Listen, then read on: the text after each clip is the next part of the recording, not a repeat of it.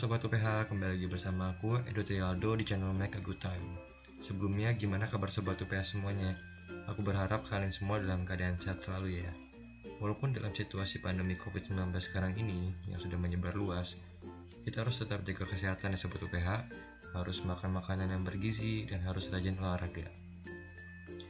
Walaupun pemerintah mengajarkan kita untuk selalu jaga kesehatan dengan cara uh, melakukan segala aktivitas di rumah saja, yaitu stay at home, kita tetap semangat ya sobat UPH.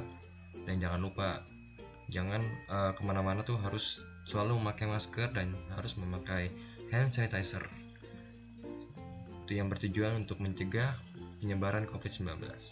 Oke, di episode 2 kali ini aku ingin membahas tentang COVID-19 nih Sobat UPH bersama dengan dosen pembimbing akademik.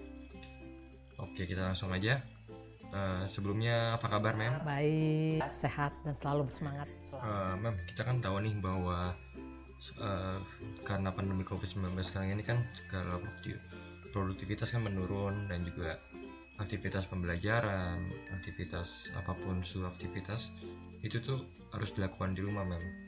Nah itu kalau menurut Mem gimana sih Mem? Kayak menurut Mem apa sih yang membuat produktivitas menurun dalam situasi aktivitas belajar di rumah sama aktivitas kerja di luar gitu itu uh, menurut Mem gimana? Kalau menurut saya nampaknya sudah terjadi kelelahan kita di karantina ya sehingga orang sudah mulai merasa bosan apalagi kemudian uh, tidak bisa berhubungan dengan teman-teman. Kan pada usia-usia tertentu misalnya mahasiswa SMA itu kan tahap-tahap di mana orang membutuh bergaul dengan orang lain. Dengan kita diam di rumah terus maka kesempatan itu jadi berkurang. Dan juga walaupun ada media IT ya untuk berkomunikasi nampaknya tidak cukup memuaskan gitu. Jadi orang mulai menurun sensitivitasnya pada uh, bahaya COVID ini. Nah jadi orang yang tadinya takut motivasinya untuk patuh itu karena takut ya, mau kerja di rumah, studi di rumah itu karena takut. Sekarang itu motivasinya udah oh, hilang. Oh, Nah, jadinya memang mesti ada usaha-usaha tertentu yang dilakukan seseorang atau mahasiswa ataupun orang yang bekerja untuk kembali bisa bersemangat dan produktif walaupun tetap diam di rumah. Oh ya. Oh, berarti kalau gitu mesti ada penyesuaian ya mem ya. Baik mereka dalam yang kerja atau mereka yang belajar di rumah itu tuh berarti harus bisa beradaptasi dengan sistem yang baru ya mem ya. Tapi sebenarnya solusi yang tepat tuh kayak gimana sih mem? Yang bisa kita lakuin untuk kita tuh bisa menjaga produktivitas kita dalam hal belajar atau dalam kerja gitu biar kita tuh betah di rumah tuh. Itu kayak gimana mem? Iya yang pertama memang yang membuat kita tetap produktif tentunya ada sarana dan prasarana ya. Alat-alat dia bekerja, alat apa sih yang biasa dia gunakan harus tersedia dong di rumah. Demikian juga untuk yang studi, yang belajar di rumah ya. Tentunya fasilitas-fasilitas untuk belajar itu dapat terpenuhi ya. Lakukanlah berbagai cara agar bisa terpenuhi kebutuhan-kebutuhan tersebut dan kemudian juga kalau bisa di rumah tuh ada disediakan satu sudut ya untuk belajar dan bekerja. Ruangan khusus gitu ya Bu ya? Iya, hmm. nggak usah ruangan lah, sudut aja begitu okay. ya. Jadi menyisikan satu sudut gitu. Di situ dia bisa jadi konsentrasi belajar.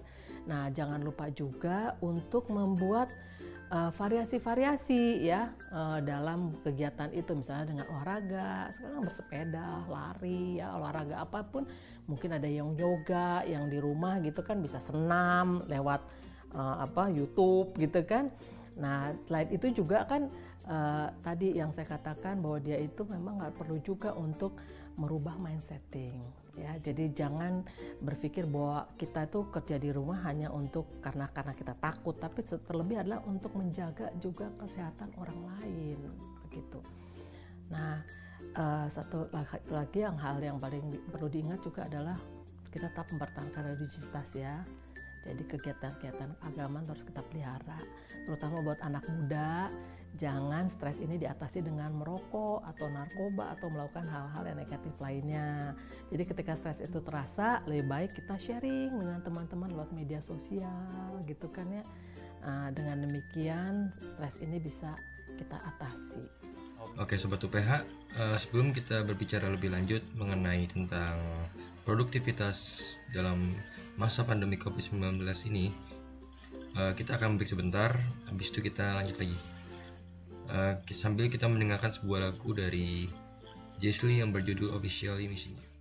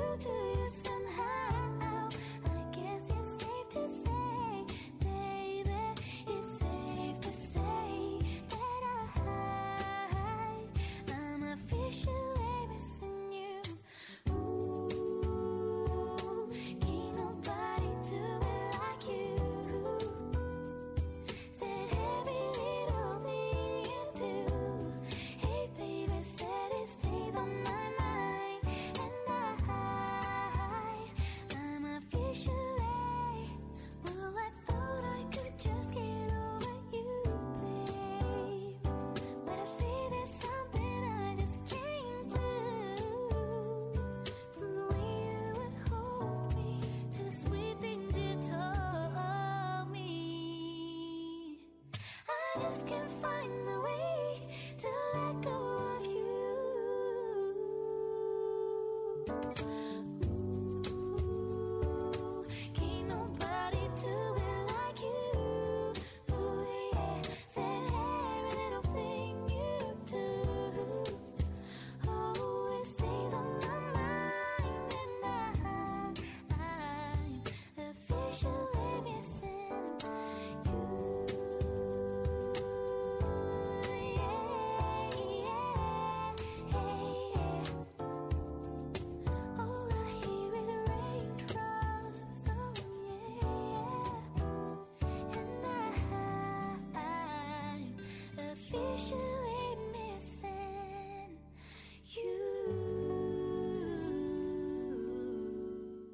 Halo Sobat UPH, masih bersama saya itu Aldo dalam channel Make a Good Times.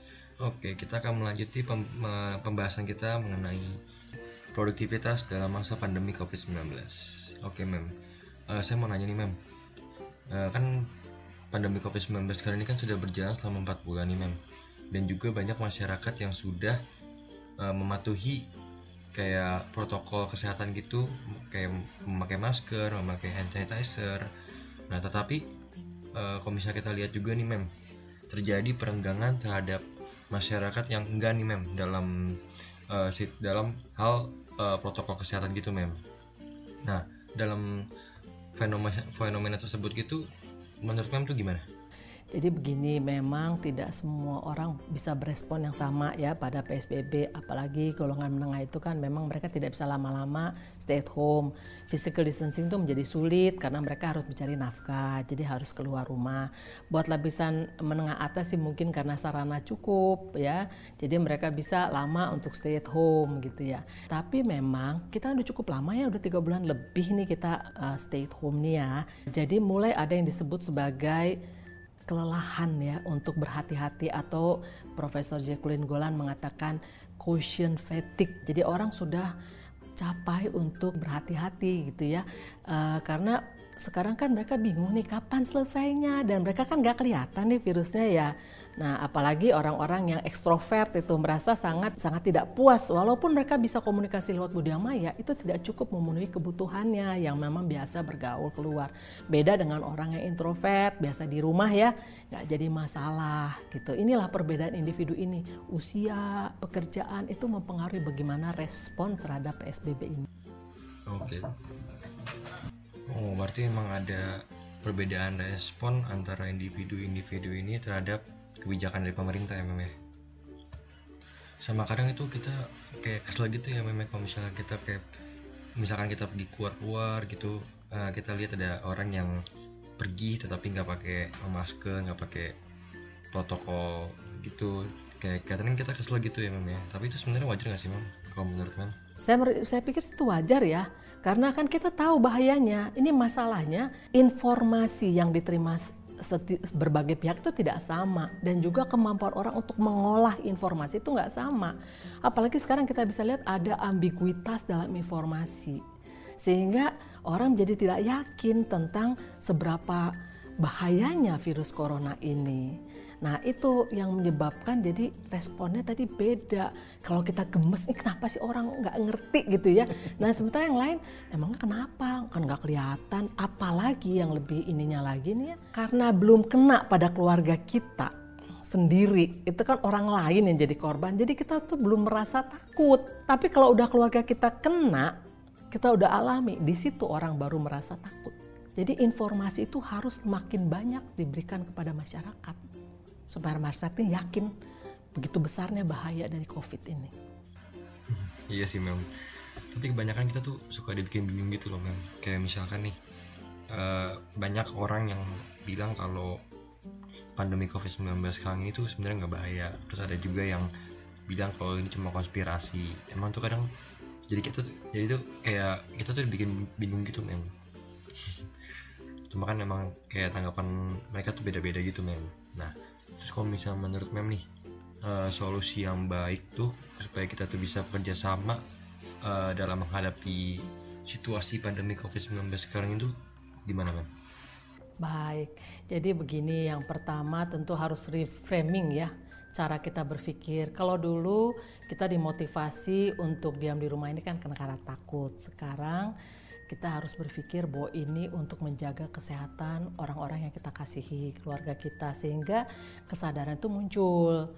Nah, tentu ini harus didukung oleh edukasi yang terus-menerus dari pemerintah lewat berbagai media, ya, sehingga uh, masyarakat tuh tahu informasi yang paling benar dan dapat dipercaya. Dan berikutnya lagi manusia ini kan makhluk sosial ya. Jadi memang mereka tuh selalu butuh dukungan dari lingkungannya. Nah, bagaimana kalau komunitas kita ini komunitas tempat kita tinggal ya itu sepakat gitu saling mendukung. Yuk kita uh, pakai masker gitu. Yuk kita membatasi uh, uh, apa uh, ketemuan kita physical distancing. Nah karena orang-orang sama-sama melakukannya maka orang cenderung untuk menyamakan dengan perilaku sekelilingnya. Dan yang terakhir adalah sediakanlah fasilitas-fasilitas yang bisa mendukung perilaku yang baru ini. Sanitasi-sanitasi ya fasilitas sanitasi di berbagai tempat sehingga orang bisa tuh cuci tangan bisa pakai sabun cuci tangan ya. Kalau sanitasinya juga tidak tersedia bagaimana juga orang mau melakukan perilaku kebersihan yang kita harapkan gitu. Jadi hal-hal tersebut keempat hal itu nampaknya uh, penting untuk kita membuat masyarakat ini tetap patuh dan kita bisa menang pada pandemi COVID-19. Iya, benar mem. Oke, berarti kesimpulannya itu uh, walaupun dalam kondisi pandemi COVID-19 sekarang ini, berarti kita tetap harus uh, menjaga integritas kita dalam kondisi aktivitas belajar ataupun kerja kita harus bisa mencari kegiatan-kegiatan baru untuk menjaga produktivitas kita dalam hal belajar, kerja ataupun kegiatan yang lain. Oke, jadi sobat UPH, uh, eh, mungkin itu dari uh, sekian dari topik kita pada hari ini yaitu tentang pandemi COVID-19 bersama dengan dosen pembimbing akademik. Jadi kesimpulannya uh, dalam situasi apa pun, baik itu dalam situasi pandemi COVID-19 sekarang ini, uh, dalam hal belajar, dalam hal kuliah, ataupun dalam hal kerja, itu tuh kalian harus tetap menjaga integritas kalian nih sobat UPH dengan cara mencari variasi-variasi kegiatan yang baru untuk bisa uh, jadi, jadi tidak hanya kegiatan belajar ya sobat UPH tetapi juga kegiatan yang lain yang bisa uh, membuat sobat UPH itu tidak bosan dan tetap nyaman tetap semangat walaupun di rumah aja terutama bagi sobat UPH yang masih kuliah nih kuliah online Kalian harus tetap semangat, tetap optimis walaupun dalam situasi pandemi COVID-19. Oke Sobat UPH, uh, eh, saya Edo Trialdo, ya. sampai tetap di channel Make a Good Time. Dan sebelumnya terima kasih buat uh, Mem yang udah meluangkan waktunya untuk uh, berbincang mengenai pandemi COVID-19.